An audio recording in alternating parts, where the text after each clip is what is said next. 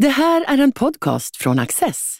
Du hittar fler av våra program på access.se och på Youtube. Mycket nöje!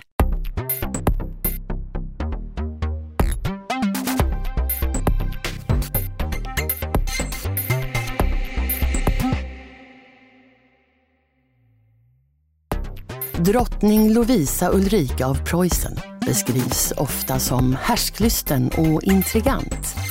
Författaren Claes Reiner fördjupar bilden och ger henne upprättelse i boken Lovisa Ulrika, konst och kuppförsök.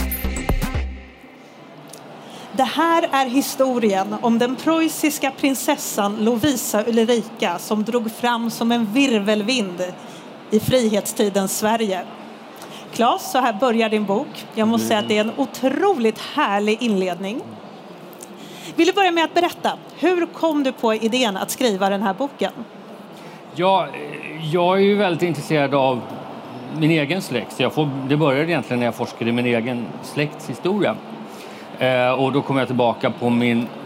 Eh, jag kom några generationer tillbaka uppåt eh, Dalarna och Hälsingland. Och då dök jag upp en person som heter Jonas Rosendahl som inte hade hört talas om tidigare. Och då hittade man i kyrkoböckerna där kunde man se att de hade skrivit en särskild nekrolog, en hel sida om honom fanns i kyrkoböckerna. Och de är så otroligt svåra att läsa dem där, men man kunde utläsa att han hade varit med och fört Lovisa Ulrika till Sverige 1744. Och det väckte mitt intresse för att dels, även om jag är historiker så visste jag inte väldigt mycket om Lovisa Ulrika. Eh, så jag började se vad som var skrivet om henne och kom fram till att alla historier var det upprepades likadana berättelser om henne hela tiden. Hur, hon var stolt och härsklysten och samma begrepp återkom hela tiden. Så att, eh, jag blev också intresserad av min anfader där, vilken, om det gick att ta reda på vilken roll han hade när, han, när hon fördes till Sverige 1744 då från Berlin. Så att det var så jag kom in i det och ju, ju mer jag började forska i både min släkts historia och Lovisa Ulrika så det jobbade vidare och det, det blev en, det är en fascinerande historia om henne. Ja, det är otroligt häftigt att du faktiskt har en personlig koppling till det här. Men eh, du är historiker, men du är också processjurist. Ja, precis, det är riktigt. Så, så att, hur har det påverkat ditt förhållningssätt när du har skrivit den här boken? Ja, det har väl, som sagt, eftersom jag är både jurist och historiker så det, det är ju en liknande typ av av källkritik man har där. I en, som jurist så analyserar man ju olika källor, man gör bevisvärderingar i rättegångar och sådana där saker. Man, man väger olika källors trovärdighet mot varandra. Och lite av samma... Och det är detektivarbete för att ta reda på hur, vad som egentligen gäller. Och det är väl ett liknande arbete en historiker gör, att man när man tittar på källkritik, man får värdera olika källor och utsagor och se, se hur trovärdiga de är. För hur ser vardagen ut när man skriver en sån här bok? Hur har du gått tillväga? Ja, det är ju en blandning av... Dels måste man ju göra en eh, genomgång av källmaterial, se vad som tidigare skrivits om henne, för det har ju skrivits väldigt mycket av både äldre historiker, nyare historiker och, och mm, sen är det ju att, att gå ner i arkiven och eh, se det finns i Riksarkivet mycket material om henne och Adolf Fredrik och hur hon fördes till Sverige och man var ju otroligt noggrann med att dokumentera allt. Minsta lilla vinflaska man drack på vägen hem upp mot, från Berlin till Sverige finns ju bevarat i, i räkenskaperna.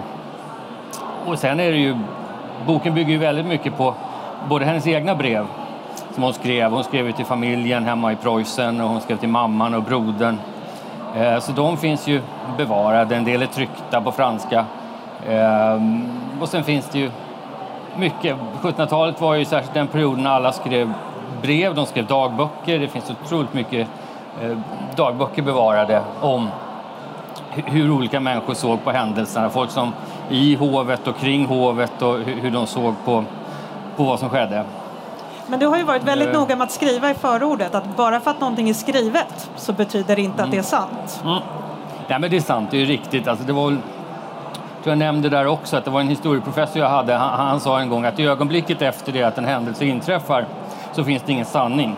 Det finns bara olika uppfattningar om vad som egentligen hände.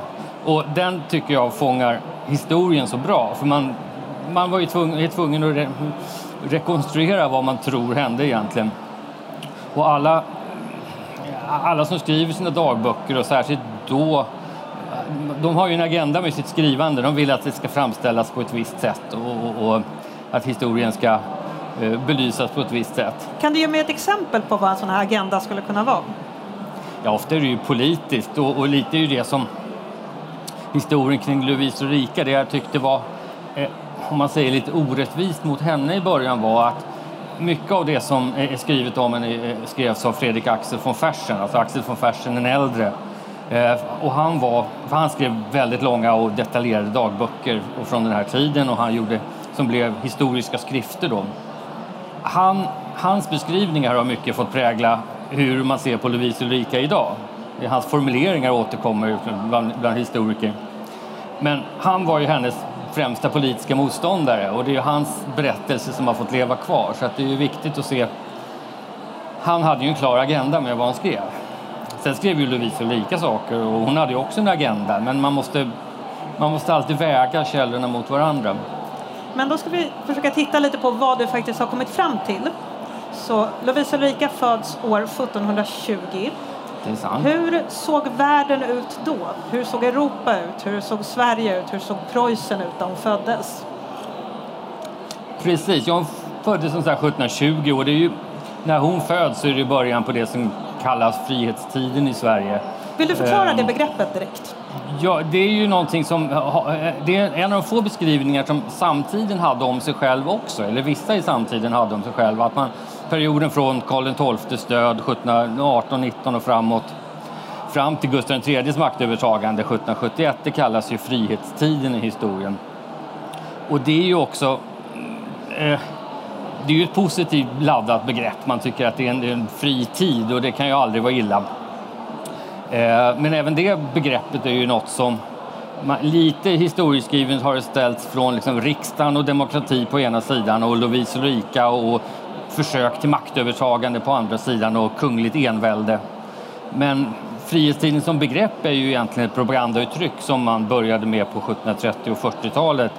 Att eh, de, liksom, riksrådet som hade makten mycket där, de myntade det, begreppet. Det var, det var, det formella slutet på den enväldiga kungamakten. Precis, ja. nu är det inget envälde, det är frihetstid, riksdagen ska styra och riksrådet istället för då en enväldig kung. Ja, och, och då, då kallade man, alltså man själva begreppet för frihetstiden. Men, Men det ja, var Sverige? Det är Sverige. Ja. Hur såg det ut i Preussen? I Preussen var det ju diametralt motsatta. Där hade man ju en Eh, Eh, ja, det är ju egentligen bara Sverige och England där man hade eh, som parlamentarism i någon form på 1700-talet. I Preussen och många andra länder var det ju kungliga envälden som, som gällde. Det, begreppet liksom, demokrati och folkstyre, det, det, fanns ju inte på det sättet då utan eh, det var vad man ibland kallar upplysta despoter som styrde. Eh, för det var ju det här är ju en tid när med upplysningen kommer med som i stora delar av Europa med Voltaire och Montesquieu som hade olika idéer om, om, om upplysningen. Och eh, Preussen till exempel styrdes ju av Lovisa Ulrikas far först och sen hennes bror eh, Fredrik den store då som är eh, en väldigt stor personlighet. Ja, så, som en form, form av upplysta monarker var ju egentligen statsskicket där. Att kungen skulle ta tillvara folkets intresse genom att i upplyst anda veta, veta vad, vad, som var bäst om man säger så. Och det var alltså till detta som Lovisa Ulrika föddes. Hon föddes Precis. i Preussen år 1720. Hur såg hennes barn och ungdom ut? Ja, hon hade nog en ja, väldigt traditionell kunglig uppfostran. Hon hade ju många syskon. Hennes far var nog ganska ja, han var ju en, en, en preussisk militär, militärkung så att eh, det var ju ofta hade ju inte föräldrarna så väldigt mycket med barnens uppfostran att göra men hon hade en hon fick en väldigt eh, en klassisk utbildning. Hennes mor Sofia Dorothea kom från huset Hannover och de hade en väldigt eh, inriktning på en, en, klassisk upplyst utbildning så att hon, hon, hon fick en väldigt gedigen utbildning. Gjorde man någon skillnad på män och kvinnor där? Fick hon samma typ av utbildning ungefär som sina bröder? Ja, i det fallet så var det nog det. För att hon, hennes äldre bror Fredrik, han fick ju som den äldste brodern liksom uppfostran att bli kung. Eh, men hon och hennes mor ville ha en, liksom, en klassisk och gedigen utbildning också. Och det, det fick de. Det var hennes mor som fick sin vilja igenom att hon skulle få den utbildningen. Så att där var det, det var inte så att det var pappan eller männen som bestämde hur, hur utbildningen skulle se ut utan de, de hade inflytande själva. Om man då hoppar lite framåt i tiden. Hur, hur kommer det sig att Lovisa Ulrika från Preussen blev svensk drottning? Vem kom på idén? Ja, den kom ju på... Vi i Sverige vill ju tycka att det var Sverige som kom på idén för det var ju bara året innan, då det var inne framme 1743, då blev ju Adolf Fredrik svensk kung eftersom det var tidigare var Ulrika Eleonora och Fredrik den första Ja, ska vi ta några ord om Adolf Fredrik då innan vi fortsätter? Vem var han? Ja, han var ju också, han kom, ju från Holstein Gottorp eh, och eh, de, 1743 var man ju tvungen att välja en tronföljare i Sverige. Och eh, det var utrikespolitiska intressen som, eller internationella eh, intressen som bestämde vem som skulle bli kung. Och i det fallet var det att eh, Sverige hade förlorat ett krig med Ryssland. Eh, Rysslands kejsarinna krävde att eh, hennes avlägsne släkting Adolf Fredrik skulle bli svensk kung.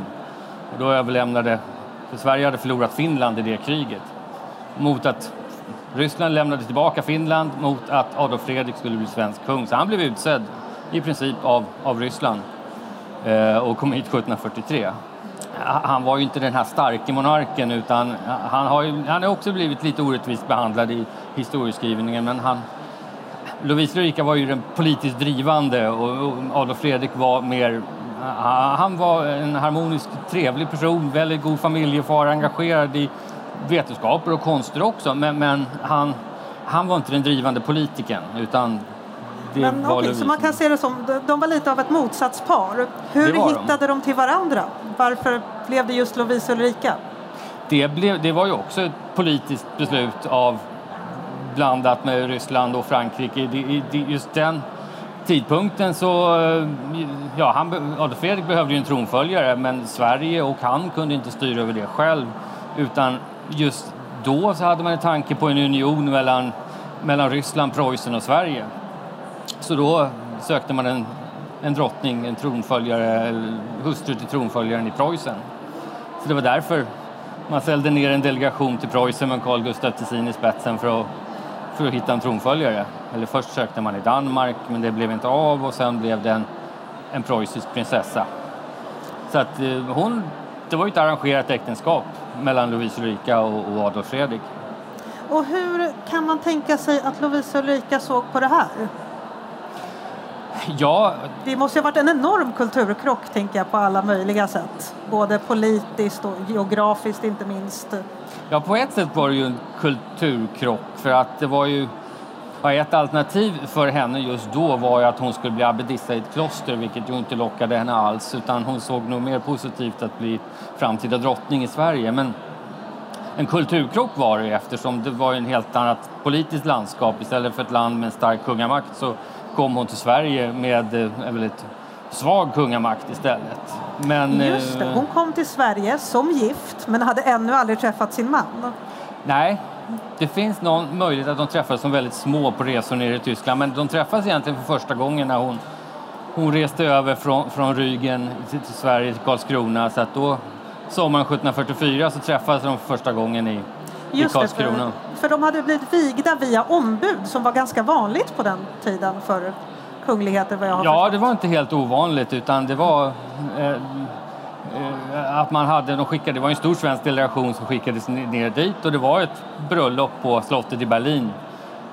Men eh, Adolf Fredrik var inte där då utan det, skedde, det blev ett nytt bröllop några månader senare sen på Drottningholm. Men så hon kom till Sverige. Hur, hur såg hennes ankomst ut? Ja, hon togs ju emot som en utländsk prinsessa. Hon hade ju väldigt hög rang för hon var ju dotter till en kung och bror till en kung så att hon, hon hade egentligen högre rang än Adolf Fredrik. Så att hon blev ju väldigt väl mottagen och, och det var storartade fester och en av de första hon fick ju dispositionsrätten till Drottningholm redan som bröllopspresent om man säger så. Ehm, och det var storslagna fester så att det var ju, hon fick ju ett varmt välkomnande i Sverige. Men eh, man kan säga att eh, hennes första tid som kronprinsessa smälte hon in eh, friktionsfritt i det svenska hovet då? Ja, alltså, hon var ju alltid en väldigt bestämd människa och kvinna. Eh, omställningen egentligen, om man ser på kulturkrocken, på den, på den tiden så var det ju så att alla, språket i alla hov var ju franska och fransk kultur var det som, eh, det var ju det som, eh, där influenserna kom både i Preussen och i Sverige, där var det ju kulturellt var det Frankrike som man såg till och alla talade franska. Så det var inte på så vis en stor omställning att komma till Sverige eftersom ja, man, man talade samma språk i praktiken. Men i övrigt var det en enorm omställning för henne för hon var ju van vid ett praktfullt hov nere från Preussen och Berlin och var inte alls nöjd med det hon såg när hon kom hit. Hon tyckte Vad att, såg hon eh, när hon kom hit som hon inte var nöjd med? Ja, hon såg väl, dels tyckte hon att hon var ju lite som jag beskriver i boken, alltså hon får färg som en virvelvind i upplysningens tecken i Sverige. Det var lite det hon gjorde. Hon tyckte det var kulturellt utarmat här. Och hon tyckte att den gamla kungen bara ägnade sig åt jakt och, och det, det, fanns inget hov, det fanns inget konst, teater och kultur. Hon, hon kände att eh, det här var någonting helt annat mot vad hon var van vid. Men hon satt ju inte Eh. bara stilla och klagade utan hon fick ju saker att hända då. Så att om hon Det saknade teater, vad hände då? Ja, hon saknade teater och det var ju nog, ja precis, hon kunde ha satt sig på, på, på slottet och, och broderat och bara tagit det lugnt, men det låg ju inte för henne utan på alla fält så var hon ju väldigt aktiv så att hon eh, Ja, hon såg ju till att bygga upp teatergrupper på slottet och på Drottningholm och eh, hon låg ju också, det var ju hon som låg bakom byggandet av Drottningholms slottsteater. Hon såg till när den brann ner eh, 1765 tror jag det var. Så eh, såg hon ju till att det kom en, en, en teater på Drottningholm. Hon lät bygga Konfidansen på Ulriksdal. Så att, eh, Två teatrar som fortfarande används än idag. som fortfarande används än idag. Och när det gäller på kulturområdet så bildade hon ju Vitterhetsakademin 1753 och den bildade var ju innan, långt, eller ett antal år innan Svenska akademin bildades, så att, som finns än idag. Så att eh, hon såg till att jobba både för konst och teater och, och vetenskaper. Hon var, hon var väldigt intresserad av alla områden och såg till att göra någonting åt det också. Och hur var hennes relation till Adolf Fredrik? De fick eh, en massa barn. Vilka var deras barn? De fick ju flera barn. Äldste var ju Gustav, Gustav som sedermera Gustav III. Men sen fick de ju ja, två söner till, Karl som blev Karl XIII sen och eh, Fredrik Adolf och eh, dottern Sofia Albertina som kom sist. Så att, eh, att- eh, de var... Man, ser, man får ju en bild av deras brev och hur de har beskrivit varandra och hur andra har beskrivit dem. Och det var ju ett arrangerat äktenskap men jag tror de, de var lyckliga tillsammans. De var kära i varandra, det var de. Eh, det finns exempel i hennes brev då att hon berättade att hon satt och drack kaffe tillsammans som små turturduvor och då skrev hon till sin syster då att det här får du inte berätta för någon. Sådär. Att de, de verkar redan från början ha trivts väldigt bra tillsammans. En av de vanligaste skrönorna om kungen det är väl att han åt ihjäl sig på semlor. Det är riktigt ja. Det, Jo, men gjorde han det? nej, det gjorde han inte. Eh, det är ju en väldigt känd skröna om Adolf Fredrik och det är ju lite som Lovisa Ulrikas eftermäle har blivit. Det är lite nedlåtande. Historien skrivs ju av fienderna ibland. Och eh, nej, jag har tittat väldigt djupt i, i både vad som är skrivet om då och vad, vad, man vet om vad han åt och vad han inte åt. Och, ja, jag kan säga att han åt- inte ihjäl sig av semlor. Han råkade dö på fettisdagen eh, 1771 men eh, längre än så går nog inte sanningen om historien om semlorna. Men Lovisa Ulrika överlevde honom i alla fall. Eh, Ja. Och nu måste vi prata lite om hur engagerad var hon i politik? Hon var mycket engagerad i politiken och det var ju ett det var ju som ett politiskt äktenskap så redan innan hon kom till Sverige så hade ju hon och sin bror då, Fredrik den store, de hade ju Tanken var att få in henne i, i Sverige för att få Preussen skulle få inflytande över Sverige. Och hon hade ju hela tiden, hon tyckte ju inte att det som fanns under frihetstiden var något styrelseskick som, som var acceptabelt. Hon, hon, och då får man också, så hon var otroligt engagerad politiskt. Och då får man också bedöma att frihetstiden har ju som sagt beskrivits lite som i positiva dagar utan där, där det var riksdagen som styrde i fin demokratisk anda och eh, mot det då så stod något, ett kung, försök till kungligt envälde och den vackra frihetstiden tog slut då sen när Gustav III gjorde sin kupp. Eh, men där vill jag ge en mer nyanserad bild av det om man säger så för att det är inte bara att man en maktlysten Lovisa Ulrika står emot eh, den demokratiska frihetstiden utan Sverige under frihetstiden och politiken den var, ja, den var genomkorrupt kan man säga och det var ju accepterat att det var så. Frankrike mutade hattarna och Ryssland mutade eller och gav subsidier till, eller hur man beskriver det, till mösspartiet. Just det, vi kanske ska ta ett ögonblick och förklara de här olika politiska partierna, hattarna och mössorna. Ja, men precis. De, det skapades ju under från 1720 och framåt. Man hade några som var de, de, ville ha, de var stödda av Frankrike, de ville ha en aktiv utrikespolitik och de ansågs vara män för sin hatt, så de kallades för hattar. Eh, sen var det mössorna som stöddes av Ryssland. De ville eh, ha ja, en, en, mindre expansiv politik och hattarna kallade de lite nedlåtande för nattmössor och så blev det mössor. Så då var det mössor och hattar. Men det var inte politiska partier som vi ser idag utan det var ju mer rörliga sammanslutningar av adelsmän, borgare främst, som eh, arbetade för olika agendor. Men mest så, eh, ja, de styrde, Sverige var ju då ett ganska fattigt land om man jämför efter stormaktstidens slut. Så att Sverige var helt beroende av utländska pengar och det styrde ju politiken också. Det var ju det var Preussen och Frankrike och, och, och Ryssland som dikterade villkoren i svensk politik.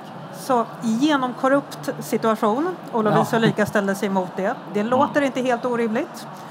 Eh, men eh, jag skulle vilja ta några minuter och prata om den här statskuppen som hon är väldigt känd för. Det är, ja. Vill du berätta om den? Den är lite svår att sätta sig in i om man bara ska komma i Jo, men det är sant. Det lite alltså, hon, ja, för som sagt, hon jobbade redan från början jobbade hon för att kanske inte att införa ett kungligt envälde, men hon ville att kungahuset skulle få större makt. Hon ansåg att det var ju Ja, det, det var där eh, traditionellt kungamakten makten skulle ligga och hon såg det här korrupta systemet mot sig. Så att hon var ju otroligt duktig på att, att, skaffa sig eh, allierade och eh, hon har ju fått lite benämning intrigant, lite nedlåtande då, men hon, var, hon var drivande skulle man säga idag och eh, skaffade så många allierade och bildade ett hovparti istället. Så att egentligen hade man hattar och mössor och ett hovparti.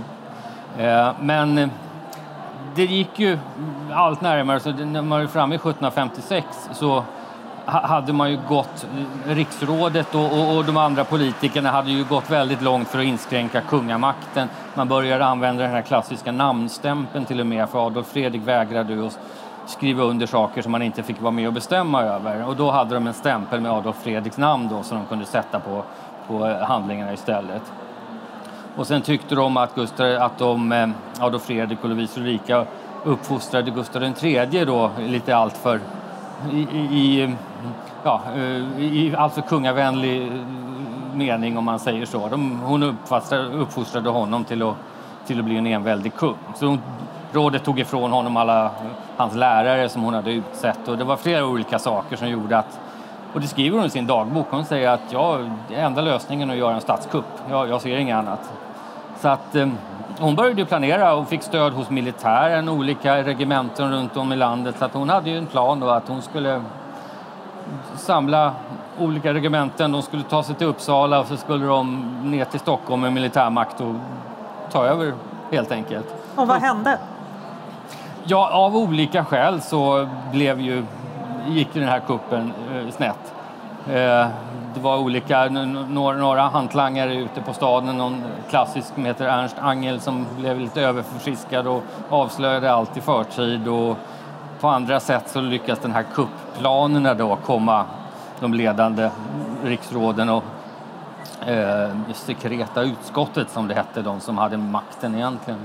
Så att de avslöjade hennes planer då Eh, och då grep de in, de grep hennes kuppmakare och det var ju många som eh, av hennes då, eh, allierade som, som avrättades. Det var ju Erik Brahe och hennes hovmarskalk Gustav Horn av Franzien. De, de avrättades på Riddarhustorget 1756. Vad gjorde det, det med henne sen, de senare åren? Hon tog ju stort intryck av det, för hon, det var ju hemska händelser och det var ju hennes vänner. Och, och så att hon, eh, hon, hon, tog det ju hårt, men hon gav ju aldrig upp. Hon tyckte hon förlorade ju inte tanken på att det, det, en starkare kungamakt var det som var bäst för Sverige. Det, det trodde hon fortfarande, så att hon fortsatte ju jobba det. Men hennes makt hade ju...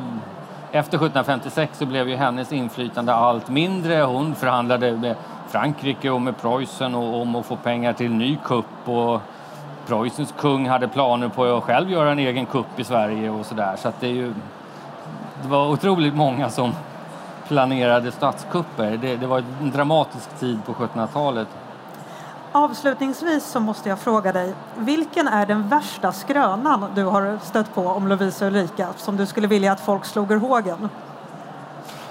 Ja, ja, det finns ju många, men en av dem en av de klassiska är ju om, om, om kronjuvelerna, för det finns ju en, en skröna om att hon eh, och det läser man ju ofta om man läser om Lovisa Ulrika, att hon skulle ha brutit loss eh, 40 eh, briljanter, 44 briljanter ur eh, drottningkronan från kronjuvelerna och sen skicka dem ner till Preussen för att finansiera sin statskupp.